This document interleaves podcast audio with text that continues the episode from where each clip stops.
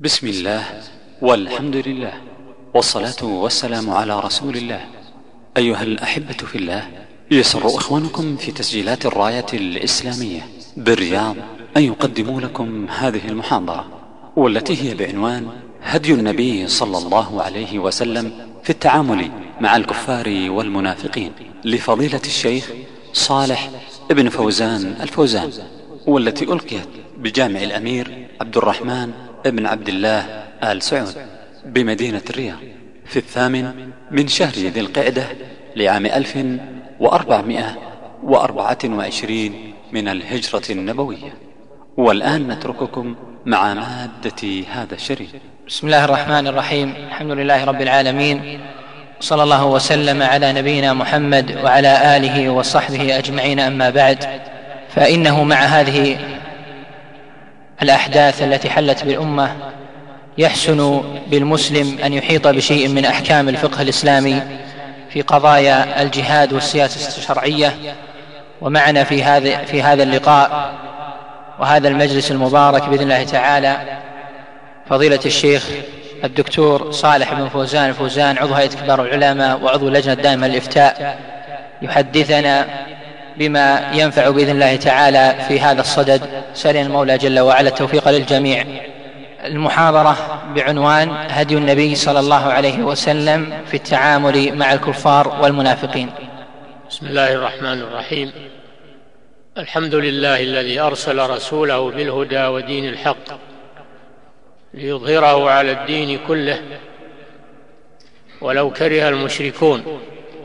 صلى الله وسلم على نبينا محمد وعلى آله وأصحابه الذين جاهدوا في الله حق جهاده.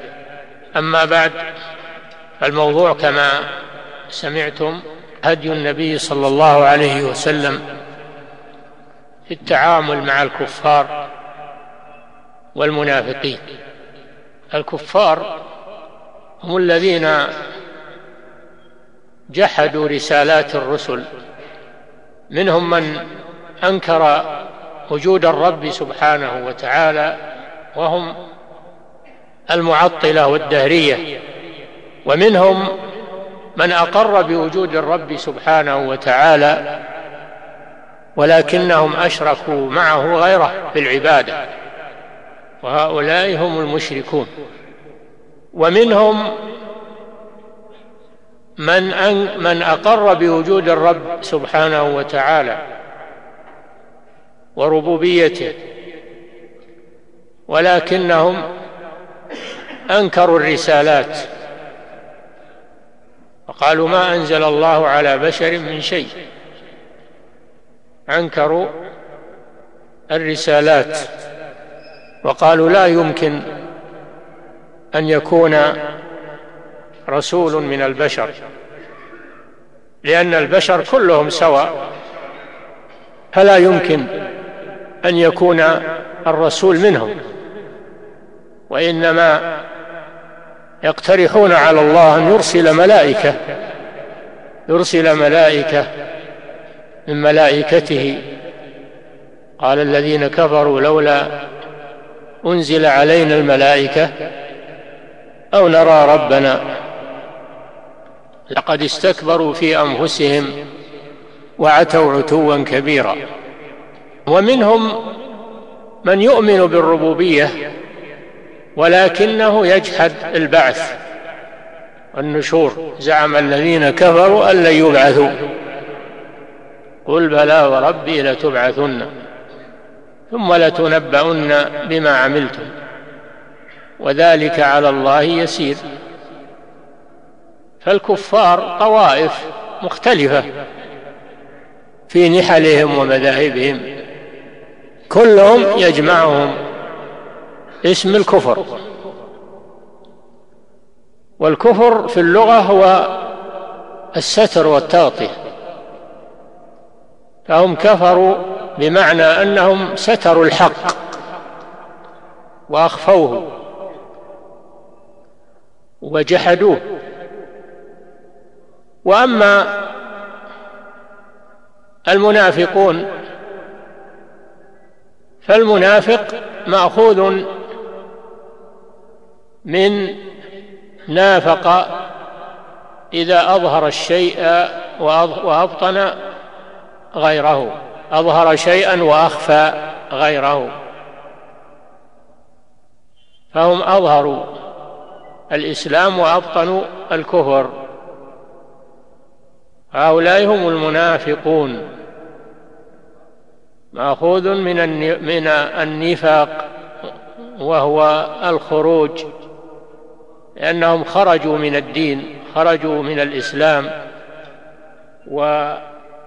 وأظهروا أنهم مسلمون وهم في الحقيقة كفار. وإذا نظرنا في حالة العرب قبل بعثة النبي صلى الله عليه وسلم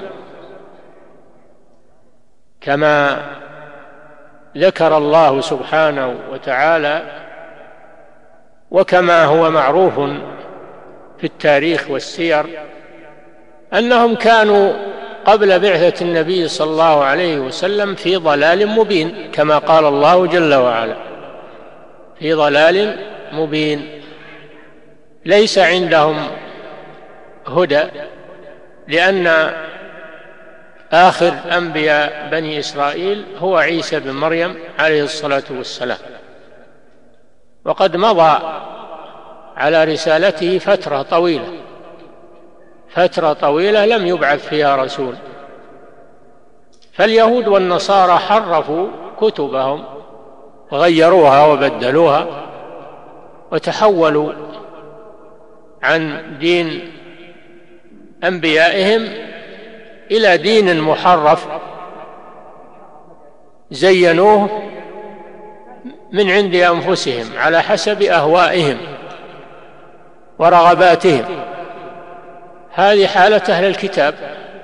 وأما حالة الأميين وهم الذين ليس لهم كتاب فهي أسوأ لأنهم ليس لهم كتاب أصلا. فهم يتعبدون بالجهل والضلال والشرك بالله عز وجل. عبادة الأصنام عبادة الأشجار عبادة الأحجار عبادة الأشخاص من الأولياء والصالحين والملائكة. فهم ليس لهم دين لا كتاب ولا دين فصاروا يتخبطون في دينهم. كل يتبع هواه وما يجد عليه آباءه وقبيلته. هذا من ناحية الدين من ناحية الدنيا كانوا ضائعين ليس لهم دولة وليس لهم مصادر اقتصاد إلا بالنهب والسلب والإعتداء والغارات. بعضهم على بعض. فكانوا دائما دائما في تناحر دائما في اعتداءات يأكل قويهم ضعيفهم وغنيهم فقيرهم. وكانوا يأكلون ما هب ودب على وجه الأرض يأكلون الميتات. يأكلون الميتة كما ذكر الله تعالى عنهم. ويأكلون الدم. ويأكلون ما وجدوا من غير تقيد بطيب أو خبيث. حلال أو حرام. كانوا يتعاملون بالربا ربا الجاهلية الذي هو أشد الربا وهو مضاعفة الدين على المعسر الذي يعجز عن السداد. يضاعفون عليه الدين مرات ومرات. يقولون إما أن تسدد وإما أن نضاعف عليك الدين حتى يتراكم. قال الله جل وعلا يا أيها الذين آمنوا لا تأكلوا الربا أضعافا مضاعفة. هذا كان في الجاهلية. فهذه حالتهم الدينية وحالتهم الاقتصادية وحالتهم السياسية. ليس لهم جماعة وليس لهم إمام وليس لهم دولة. وإنما كانت تتحكم فيهم دول الشرق والغرب من الروم والفرس. فلما عم الشرك والكفر في الأرض واشتد الظلام أذن الله سبحانه وتعالى برحمته بطلوع الفجر فبعث محمدا صلى الله عليه وسلم. بعث محمدا صلى الله عليه وسلم والبشر كله في ظلام دامس. في ظلام دامس. بعثه الله سبحانه وتعالى بالهدى الذي هو العلم النافع ودين الحق الذي هو العمل الصالح. بعثه وهو شخص واحد في عالم يموج بالضلال والكفر والشرك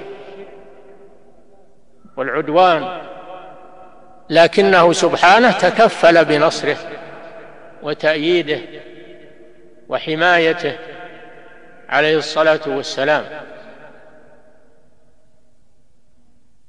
يصور هذا قوله تعالى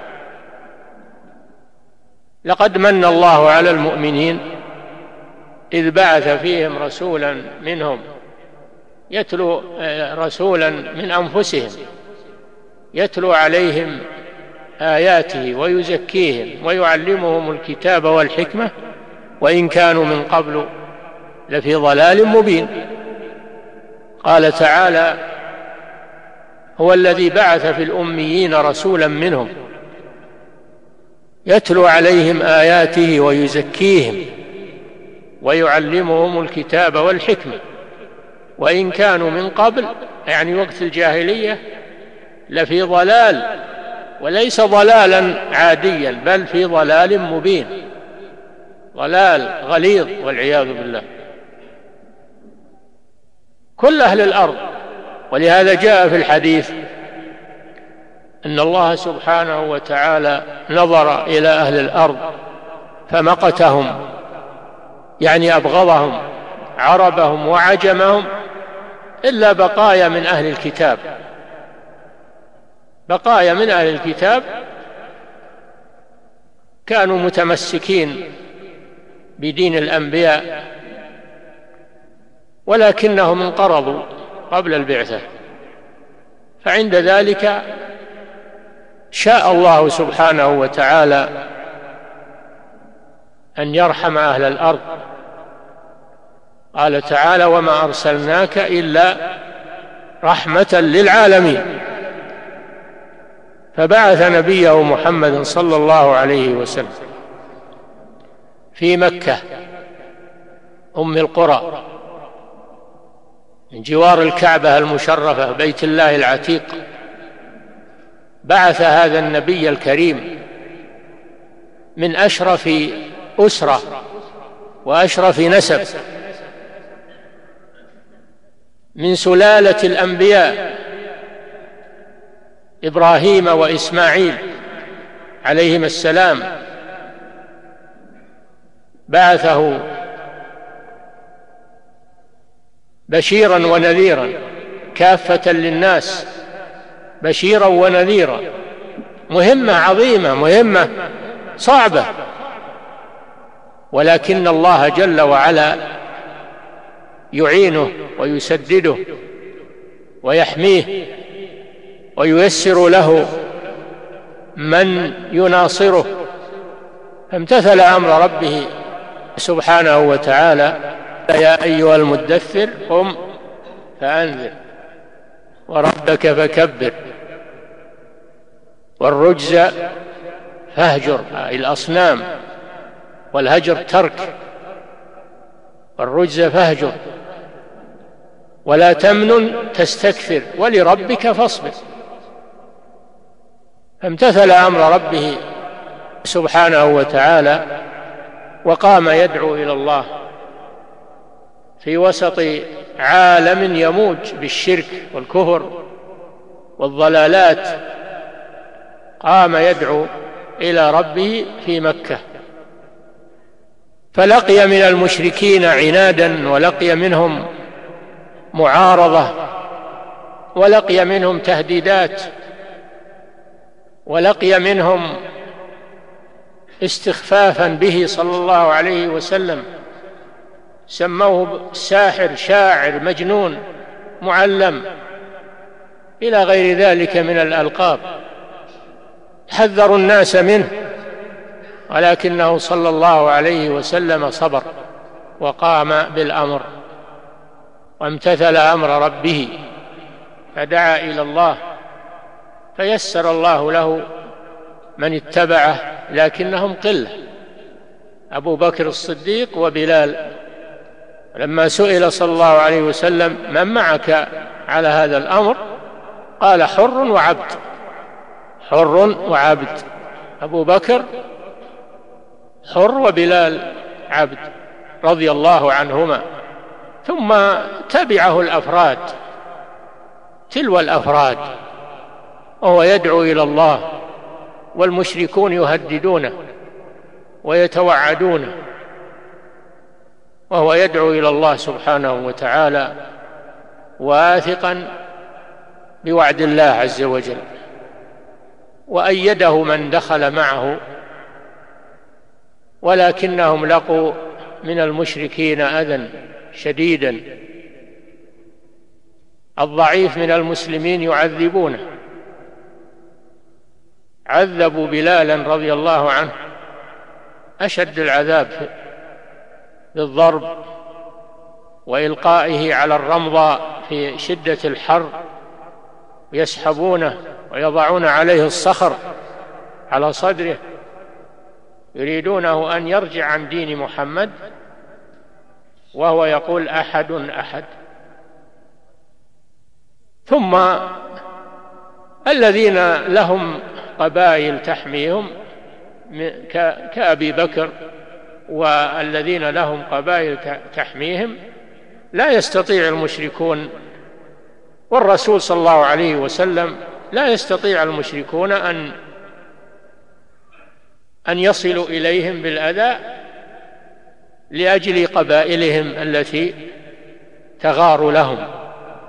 بقوا على هذه الحالة في عناء ومشقة وصبر على دين الله الرسول صلى الله عليه وسلم يسر الله له عمه أبا طالب فكان يحميه من أذى قومه وهو مشرك يحميه من أذى قومه ولا يقدرون أن يصلوا إليه ومعه زوجه خديجة رضي الله عنها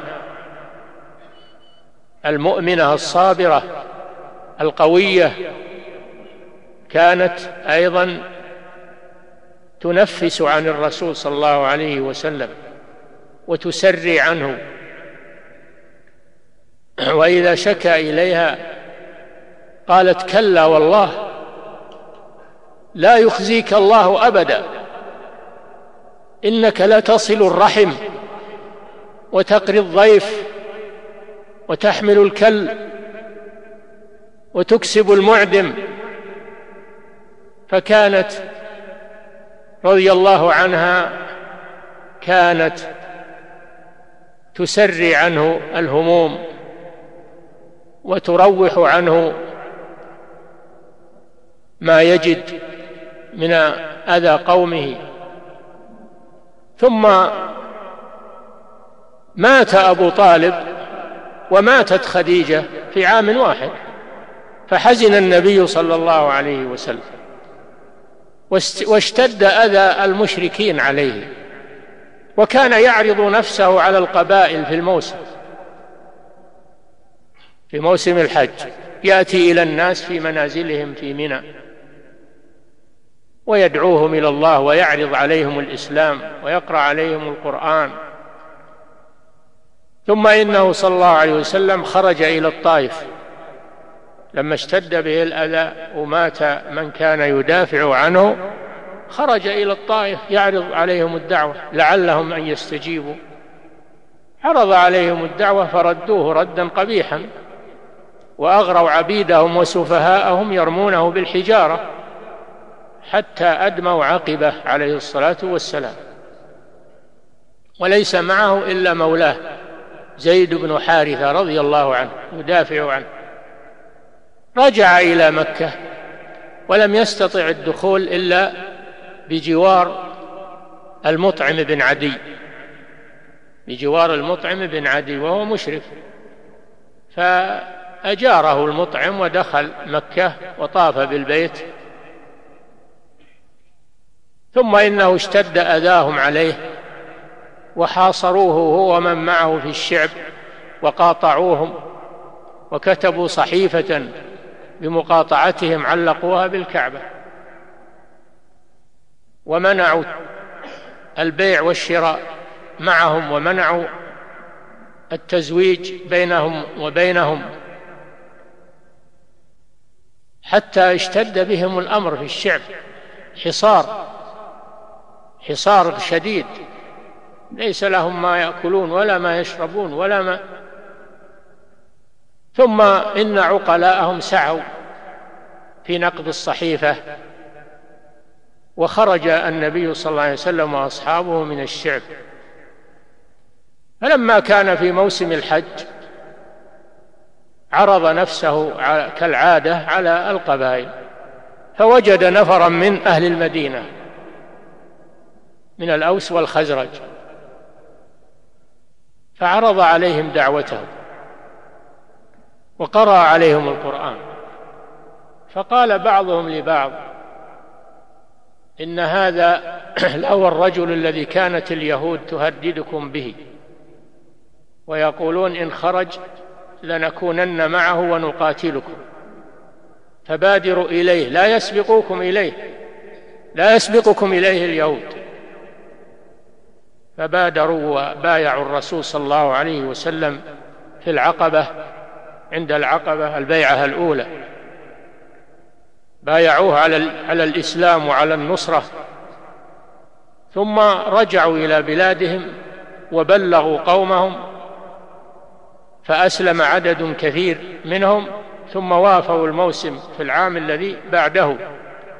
أكثر من ذي قابل فبايعوا النبي صلى الله عليه وسلم على الإسلام والهجرة أن يهاجر إليهم وأن يحموه مما يحمون منه أنفسهم وأولادهم وأموالهم فبايعهم صلى الله عليه وسلم على الهجرة إلى المدينة. وبعد ذلك أذن لأصحابه بالهجرة فكانوا يخرجون متسللين لأن المشركين لا يسمحون لهم بالهجرة لكن كانوا يخرجون متسللين. خفية ويحصل عليهم ما يحصل من الأذى. بقي النبي صلى الله عليه وسلم وأبو بكر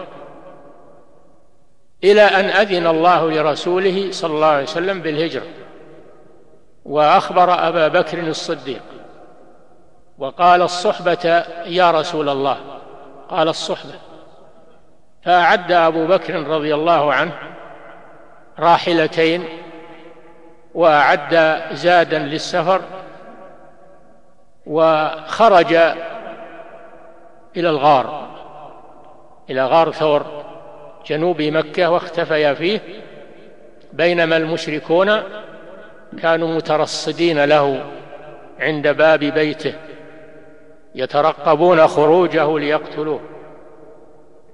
كما قال الله جل وعلا وإذ يمكر بك الذين كفروا ليثبتوك أو يقتلوك أو يخرجوك ويمكرون ويمكر الله. والله خير الماكرين. خرج من بينهم وهم يتحرون خروجه ولم يشعروا بخروجه من بينهم. وأمر علي رضي الله عنه أن ينام على فراشه. والمشركون ينظرون إليه يظنونه الرسول صلى الله عليه وسلم. لما نام علي رضي الله عنه على فراش الرسول صلى الله عليه وسلم المشركون ظنوا أنه الرسول فبقوا يترصدون فخرج النبي صلى الله عليه وسلم من بينهم وهم لا يشعرون. وذر على رؤوسهم التراب وذهب هو وأبو بكر إلى غار ثور بجنوب مكة. حتى يختفي خبرهما واختفيا فيه. لما خرج علي أسقط في أيديهم. ما كان هذا هو الرسول الذي يريدون قتله؟ أسقط في أيديهم. وذهبوا يطلبون الرسول في كل وجه وواجروا من يأتيهم به. حيا أو ميتا. فانطلقوا في الفيافي وفي الطرقات. لعلهم يجدون محمدا صلى الله عليه وسلم. والرسول صلى الله عليه وسلم مختف بالغار هو وصاحبه أبو بكر. وبنت أبي بكر أسماء رضي الله عنها تأتيهم بالطعام خفية تأتيهم بالطعام خفية. وراعي غنم أبي بكر يمر عليهم يشربون من لبنها ثم تمر من أمام الغار وتخفي الأثر فلا يجدون أثر. جاء المشركون ووقفوا على الغار. وقفوا على الغار. ولم يروا رسول الله صلى الله عليه وسلم وهو تحت أرجلهم تحت أقدامهم. لما وصلوا إلى الغار خاف أبو بكر رضي الله عنه على الرسول صلى الله عليه وسلم. وقال يا رسول الله لو نظر أحدهم إلى موضع قدمه لأبصرنا. قال الرسول صلى الله عليه وسلم يا أبا بكر ما ظنك باثنين؟ الله ثالثهما. فأنزل الله قوله تعالى إلا تنصروه فقد نصره الله إذ أخرجه الذين كفروا ثاني اثنين إذ هما في الغار. إذ يقول لصاحبه لا تحزن إن الله معنا. فأنزل الله سكينته عليه وأيده بجنود لم تروها. رجع المشركون خائبين. فلما توقف الطلب من قريش خرج النبي صلى الله عليه وسلم صاحبه وجاء جاء رجل مع مع البعيرين دليل يدلهما على الطريق وهو عبد الله بن أريقط الليثي جاء بالراحلتين أخرج النبي صلى الله عليه وسلم وصاحبه وركب الراحلتين وذهب إلى المدينة. هذه هي الهجرة. هذه هي الهجرة. فلما وصل إلى المدينة رحب به المهاجرون والأنصار أشد الترحيب وفرحوا به وكل يأخذ بخطام ناقته ويريد منه ويطلب منه أن ينزل عنده في بيته. والرسول صلى الله عليه وسلم يقول دعوها فإنها مأمورة. اتركوا الناقة فإنها مأمورة تسير بأمر الله. تركوها حتى ذهبت إلى موضع مسجده صلى الله عليه وسلم. فبركت في هذا المكان. ثم أقامها صلى الله عليه وسلم فقامت ثم عادت وبركت. فعند ذلك نزل الرسول صلى الله عليه وسلم عند أبي أيوب الأنصاري رضي الله عنه. بقي عند أبي أيوب إلى أن بنى المسجد والحجرات ثم انتقل صلى الله عليه وسلم إلى بيته. لما هاجر إلى المدينة ووجد الأنصار والأعوان أمره الله بالجهاد. أمره الله بالجهاد. بجهاد الكفار والمنافقين. وكان قبل ذلك يوم كان في مكة أمره الله بالجهاد بالدعوة إلى الله فقط. بالدعوة إلى الله فقط. ونهاه أن يمد يده أو أن يحدث شيئا في مكة. وأمرهم أمر المسلمين بكف أيديهم والاقتصار على الدعوة بالقرآن. قال تعالى وجاهدهم به جهادا كبيرا. فلا تطع الكافرين. وجاهدهم به أي بالقرآن جهادا كبيرا. هذا في مكة. جاهدهم بالقرآن فقط دون حمل سلاح وإنما هو جهاد بالدعوة فقط. فلما هاجر إلى المدينة ووجد الأعوان والأنصار وجيش التوحيد عند ذلك أمره الله بالجهاد. فقال جل وعلا يا أيها النبي جاهد الكفار والمنافقين واغلظ عليهم ومأواهم جهنم وبئس المصير. كما في سورة التوبة وسورة تحريم أمره بجهاد الكفار الذين أظهروا الكفر وصرحوا بالكفر وجهاد المنافقين الذين أخفوا الكفر في قلوبهم وأظهروا الإسلام بألسنتهم. جاهد الكفار والمنافقين. الكفار يجاهدون بالسلاح وأما المنافقون فيجاهدون بالحجة ورد شبهاتهم. لأنهم أظهروا الإسلام وأبطنوا الكفر. الرسول صلى الله عليه وسلم قبل منهم قبل منهم علانيتهم ووكل سرائرهم إلى الله سبحانه وتعالى. والله أمره بجهاد الكفار والمنافقين. فدل على أن المنافقين يجاهدون لكن باللسان لا بالسلاح لأنهم أظهروا الإسلام. ومن يظهر الإسلام لا يقتل. يكف عنه وسريرته إلى الله سبحانه وتعالى.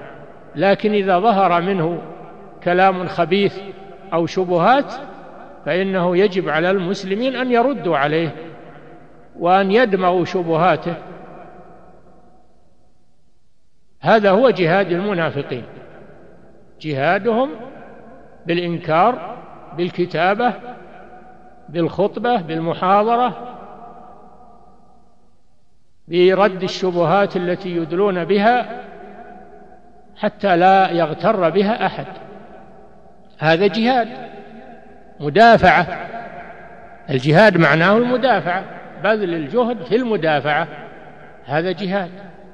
فرد على أهل الضلال وعلى أهل الزيغ والإلحاد هذا جهاد في سبيل الله عز وجل. يكتب لصاحبه أجر المجاهد. وأما جهاد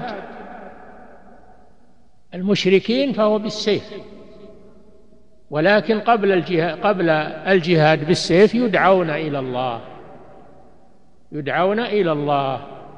فإن قبلوا ودخلوا في الإسلام كف عنهم وقبل منهم إسلامهم. وصار لهم ما للمسلمين وعليهم ما على المسلمين. وهذا هو المقصود. المقصود أن الناس يدخلون في دين الله عز وجل. ليس المقصود قتلهم وأخذ أموالهم لا. المقصود أن يدخلوا في دين الله لمصلحتهم هم لإخراجهم من الظلمات إلى النور إخراجهم من النار إلى الجنة لمصلحتهم هم.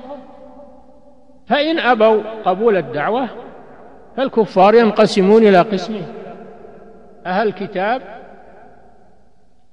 وغير أهل الكتاب فأهل الكتاب يخيرون يخيرون إما بالإسلام وإما بدفع الجزية وأن يكونوا تحت سلطة المسلمين ويدفعون الجزية أذلة وهم صاغرون. فإن أبوا دفع الجزية فإنهم يقاتلون.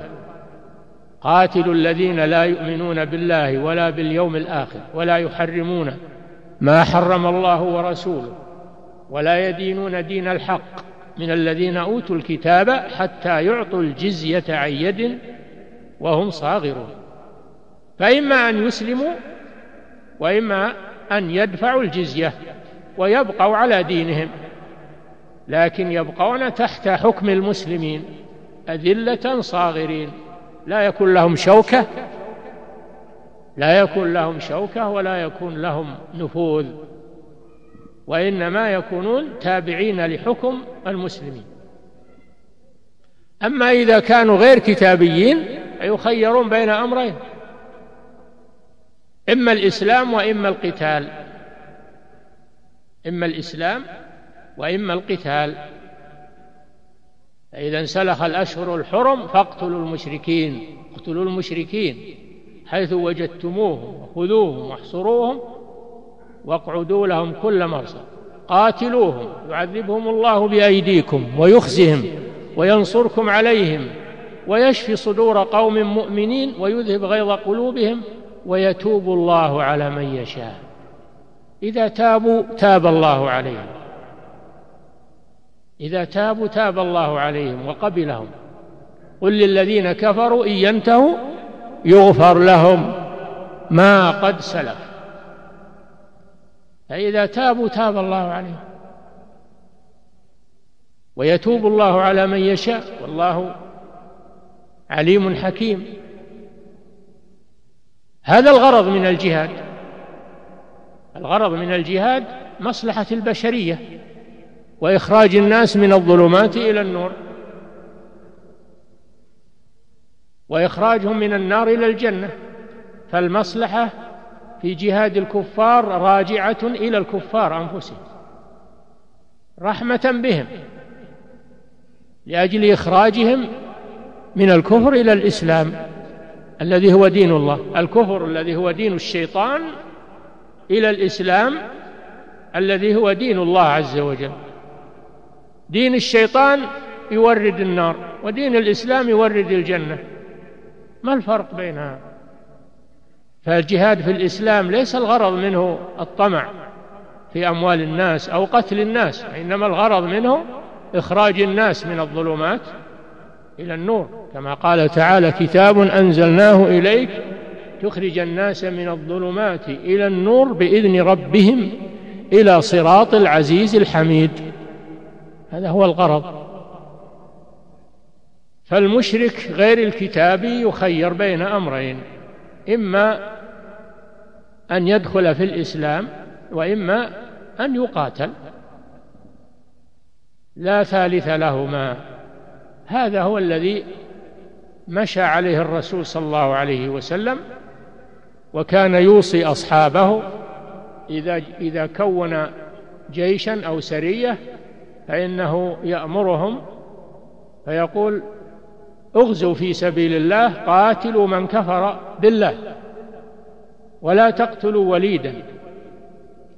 ولا تغدروا ولا تغلوا. ولا تقتلوا وليدا. وكان ينهى عن قتل النساء وقتل الشيوخ الكبار من المشركين الذين لا يقاتلون. وينهى عن قتل الرهبان الذين تفرغوا في صوامعهم لأن هؤلاء لا يقاتلون ولا يدعون إلى الكفر إنما هم مقتصر كفرهم عليهم. أما المشرك والكافر الذي ينشر الكفر والشرك هذا يقاتل. وقاتلوهم حتى لا تكون فتنة ويكون الدين كله لله. فإن انتهوا فإن الله بما يعملون بصير. هذا تعامل الرسول صلى الله عليه وسلم مع المنافقين ومع الكفار.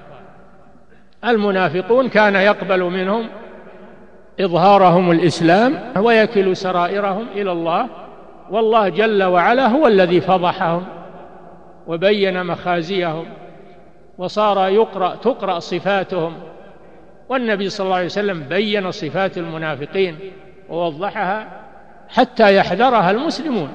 هذا من جهادهم من جهاد المنافقين أنه يبين معنى النفاق ويبين صفات المنافقين ويرد على شبهاتهم هذا هو جهاد المنافقين. أما القتل بالسلاح لا لأنهم يظهرون الإسلام. ولما قيل للنبي صلى الله عليه وسلم لما آذاه بعض المنافقين قالوا له صلى الله عليه وسلم لما لا يقتل؟ قال لا يتحدث الناس أن محمدا يقتل أصحابه. ناس يظهرون الإسلام ويقتلون الناس يقولون المسلمين يقتلون إخوانهم. الرسول صلى الله عليه وسلم درأ مفسدة أكبر وهي الصد عن الإسلام بهذه الحجة. وإلا قتل المنافق مصلحة بلا شك لكن يترتب عليه مفسدة أكبر. فالمنافق لا يقتل وإنما يكف شره برد شبهاته وبيان صفاته ومخازيه حتى يفتضح وحتى يحذره الناس. هذا هو تعامل الرسول صلى الله عليه وسلم مع الطائفتين الكفار والمنافقين والكفار على فريق فريقين كما سمعتم أهل كتاب وغير. أهل كتاب وكل فريق له حكمه. فلما شرع الله الجهاد النبي صلى الله عليه وسلم بادر وأنشأ الجيوش وقادها بنفسه صلى الله عليه وسلم. قادها في بدر وقادها في أحد وقادها في ال في ال في الأحزاب وقادها في فتح مكة وقادها في غزوة حنين وغزوة الطائف كل هذا بقيادة الرسول صلى الله عليه وسلم. يخوض المعارك صلى الله عليه وسلم. يخوض ويقود المسلمين ويكون أقرب المسلمين إلى العدو ويتقي به المسلمون لأنه صلى الله عليه وسلم كان أشجع الناس وكان أجود الناس وكان أرحم الناس وأبر الناس لقد جاءكم رسول من أنفسكم عزيز عليه ما عنتم حريص عليكم بالمؤمنين رؤوف رحيم فإن تولوا فقل حسبي الله. لا إله إلا هو. عليه توكلت وهو رب العرش العظيم. وكان أحيانا يؤمر أميرا على الجيش أو على السرية ويوصيه بنفسه وبمن معه بتقوى الله عز وجل. ويوصيها أيضا بالسياسة مع الكفار في أنه لا يعتدي لا يخون عهدا ولا يغدر مع مع الكفار ولا يقتلون من لا يقاتل من الكفار من النساء والصبيان وكبار السن والرهبان لا لا يقتلون هؤلاء. وإنما يقاتلون الذين لهم شوكة وينشرون الكفر والشرك ويقاومون الدعوة. هؤلاء هم الذين يقاتلون حتى يقضى على شرهم أو يدخلوا في الإسلام. أو يدخلوا في الإسلام. وجاء في الحديث عجب ربك من قوم يقادون إلى الجنة بالسلاسل. كيف ذلك؟ يقاتلون ويؤسرون في المعركة بالسلاسل ثم يسلمون فيدخلون الجنة. فكان ذلك خيرا لهم. يقادون إلى الجنة بالسلاسل. هذا من العجب. هذا من العجب. فدل على أن الجهاد في سبيل الله ليس الغرض منه الاعتداء على الناس والوحشية كما يقولون والطمع في أموال الناس والإرهاب كما يسمونه. لا الغرض مصلحة البشرية. مصلحة البشرية. مصلحة الكفار هم أنفسهم. نحن نخسر أموال ونخسر نفوسنا وجنودنا وأولادنا. نحن أكثر أكثر منهم مشقة. ولكن نصبر في سبيل الله عز وجل.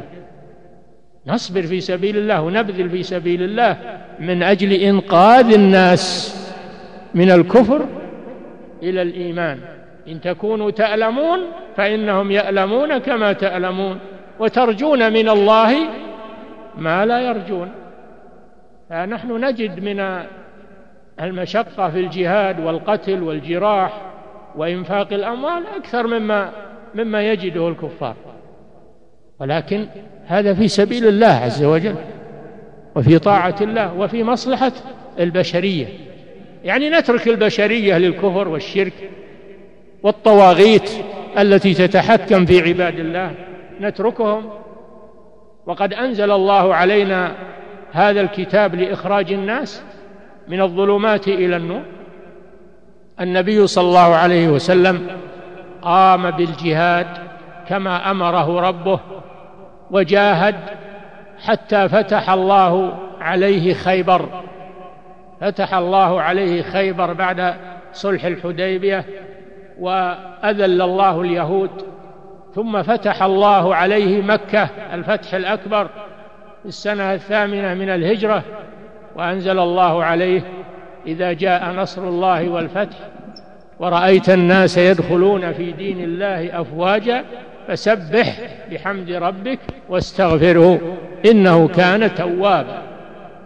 لما فتح الله مكة لرسوله وللمسلمين العرب أدركوا أنهم الآن وقعوا في الخطر لأن مكة وقريش هم شوكة العرب.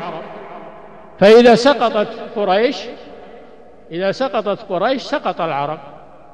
فلما سقطت قريش عند ذلك جاءوا إلى النبي صلى الله عليه وسلم وعرفوا أن هذا الدين هو دين الحق. أن هذا الدين هو دين الحق. وأنه لو كان باطلا لما استمر ومضى مع هذه المشاق ومع هذه العقبات. عرفوا أنه دين الحق. فجاءوا جاءوا وبايعوا النبي جاءوا أفواجا ما هم أفراد جاءوا أفواجا من القبائل يبايعون الرسول صلى الله عليه وسلم على الإسلام لأنه ظهر لهم حقيقة الإسلام. وظهر لهم حقيقة الجهاد في سبيل الله وأدركوا أنهم مخطئون في تأخرهم عن قبول الإسلام. أدركوا خطأهم فجاء الكثير منهم وبايعوا الرسول صلى الله عليه وسلم. ثم لم يلبث النبي صلى الله عليه وسلم إلى أن توفاه الله عز وجل وأنزل الله عليه قبل وفاته اليوم أكملت لكم دينكم وأتممت عليكم نعمتي ورضيت لكم الإسلام دينا. أنزل الله هذه الآية على رسوله صلى الله عليه وسلم وهو واقف بعرفة في حجة الوداع وما عاش بعدها صلى الله عليه وسلم إلا شهرين وأياما وتوفاه الله عز وجل. وكان هذا معنى قوله جل وعلا إذا جاء نصر الله والفتح ورأيت الناس يدخلون في دين الله أفواجا فسبح بحمد ربك. هذا إشارة إلى قرب أجله صلى الله عليه وسلم. فسبح بحمد ربك واستغفره إنه كان توابا.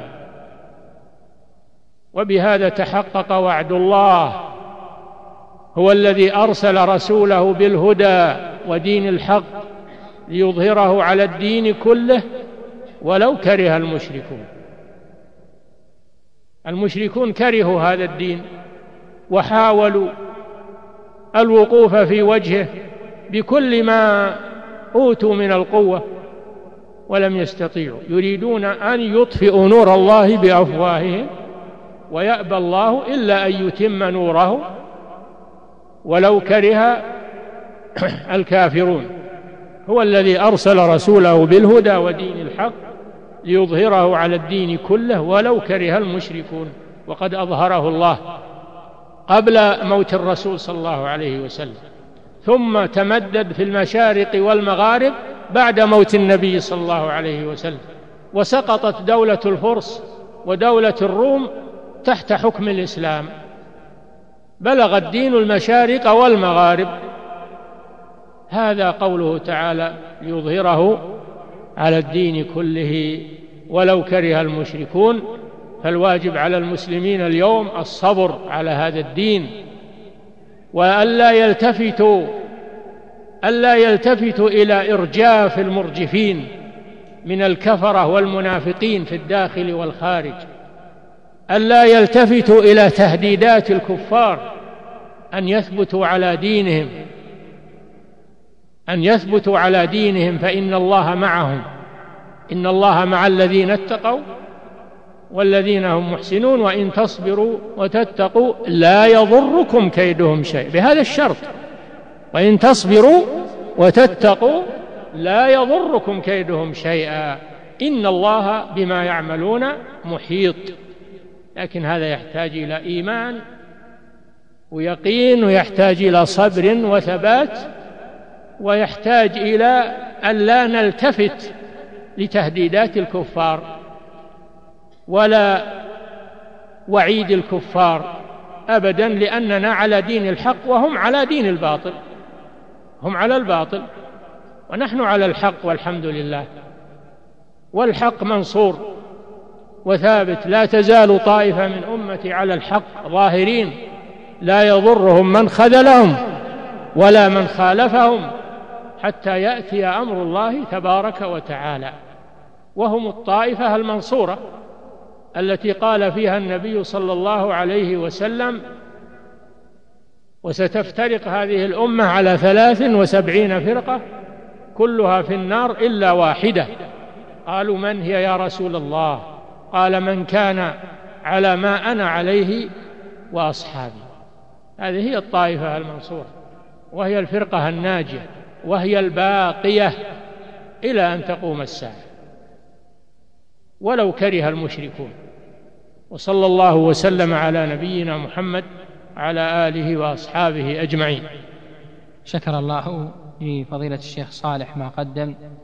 بين يدي الحقيقة الكثير من الأسئلة في صلب الموضوع وأكثرها ليست كذلك.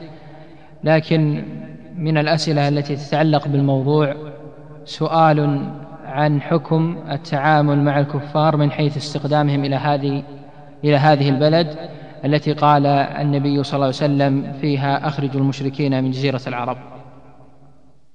لا يجوز استخدام الكفار إلى هذه البلاد لأجل الخدمة في البيوت أو الشركات.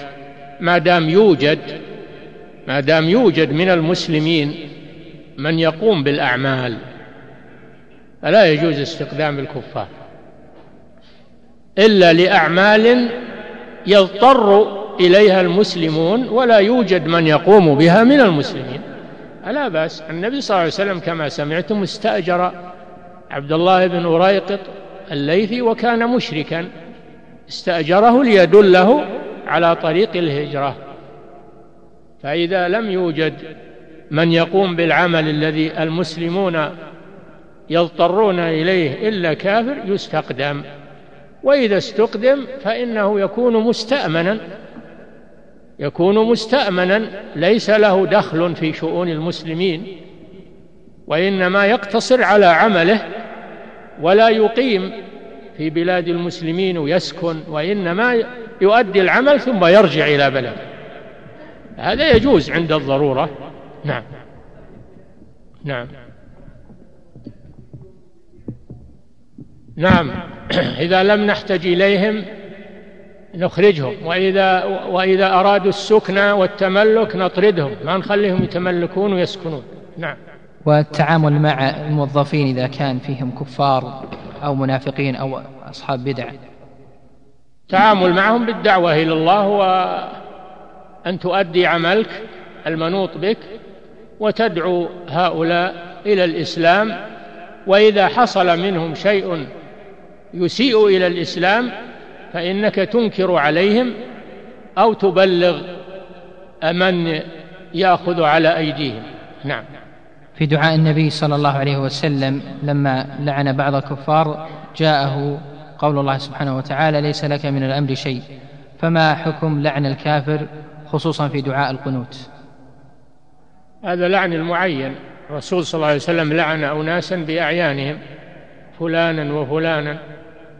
وكان الله يعلم أنهم سيسلمون. فأسلم هؤلاء وحسن اسلامهم ولهذا قال جل وعلا ليس لك من الأمر شيء أو يتوب عليهم أو يعذبهم فإنهم ظالمون. وقد تاب الله على هؤلاء فأسلموا. نعم. الله علم علم ما لم يعلمه الرسول صلى الله عليه وسلم من أحوالهم. نعم. كيف يتعامل الإخوة المسلمون في الأقليات المسلمة مع حكوماتهم الكافرة؟ أول شيء أنه ما يجوز للمسلم أن يقيم في بلاد الكفار وهو يقدر على الهجرة إلى بلاد المسلمين. فإن كانت إقامته محددة ما هي باستيطان وإنما هو سفر لعلاج أو لتعلم شيء لا يوجد في بلاد المسلمين والمسلمون بحاجة إليه أو لتجارة. أو للدعوة إلى الله عز وجل فهذه الإقامة المحددة تجوز للحاجة ثم يرجع مع التمسك بدينه وإظهار دين الإسلام وعدم آه عدم المداهنة في دين الله عز وجل. نعم. هذا سؤال عن ما يسمى بالحوار الوطني هل يجوز أن يقام ويستمع له ويتابع؟ ما استفتونا فيه. علشان نبين حكمه ما استفتونا فيه. وما دام ما استفتونا فيه فيكون أمره معلق بمن أقامه. هو المسؤول أمام الله سبحانه وتعالى. نعم. في قوله سبحانه وتعالى ولا تقتلوا أنفسكم. هذا نص في مسألة قتل النفس. فما هو المخصص لهذه الآية في القول بجواز العمليات الاستشهادية عندما يقول بجوازها. مع أن المصلحة لا تقدم على النص. يا أخي اللي أفتى بجواز هذا هو اللي يسأل. أنا ما أفتيت بهذا. هو اللي يسأل عن دليله وعن شبهته في فتواه وتخصيص هذه الآية ولا تقتلوا أنفسكم. نعم. سؤال عن مقاطعة المنتجات الكافرة. المقاطعة الفردية لا تجدي شيئا. لكن إذا أمر ولي الأمر بمقاطعتها وقاطعها المسلمون أو الرعية كلهم فهذا يضر الكافر بلا شك. إذا قاطعتها الدولة فهذا يضر الكفار. أما إذا قاطعها فرد أو أفراد فهذا ما يضر الكفار. إذا قاطعها فرد أو أفراد يوجد المئات والآلاف ممن يشترونها. نعم. إذا نقض العهد مع المسلمين رؤساء الكفار فهل يؤاخذ به شعوبهم؟ نعم. إذا نقض العهد مع المسلمين رؤساء الكفار فهل يؤاخذ به شعوبهم؟ يقاتلون. يقاتلون إذا نقضوا العهد فإنهم يقاتلون وشعوبهم تبع لهم. شعوبهم تبع لهم. من قاتل من شعوبهم يقاتل. أما من لم يقاتل فإنه يترك كما سبق. نعم. نسبة للأحداث الأخيرة. حكم على كثير من الناس بأنهم خوارج وإن نقضوا أيمانهم من بعد عهدهم وطعنوا في دينكم فقاتلوا أئمة الكفر إنهم لا أيمان لهم لعلهم ينتهون. فهم يقاتلون ومن قاتل معهم من شعوبهم يقاتل. أما من كف عن القتال ولم يقاتل فهذا يكف عنه. نعم. بالنسبة للأحداث الأخيرة فضيلة الشيخ يكثر الكلام من كثير من الناس بالحكم على بعض بأنهم خوارج أو بغاة أو فنرجو التوضيح بين الخوارج والبغاة وما إلى ذلك من الأوصاف. البغاة غير الخوارج.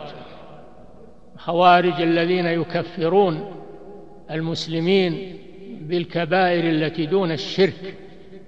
هؤلاء هم الخوارج والذين يستحلون دماء المسلمين ويشقون عصا الطاعة.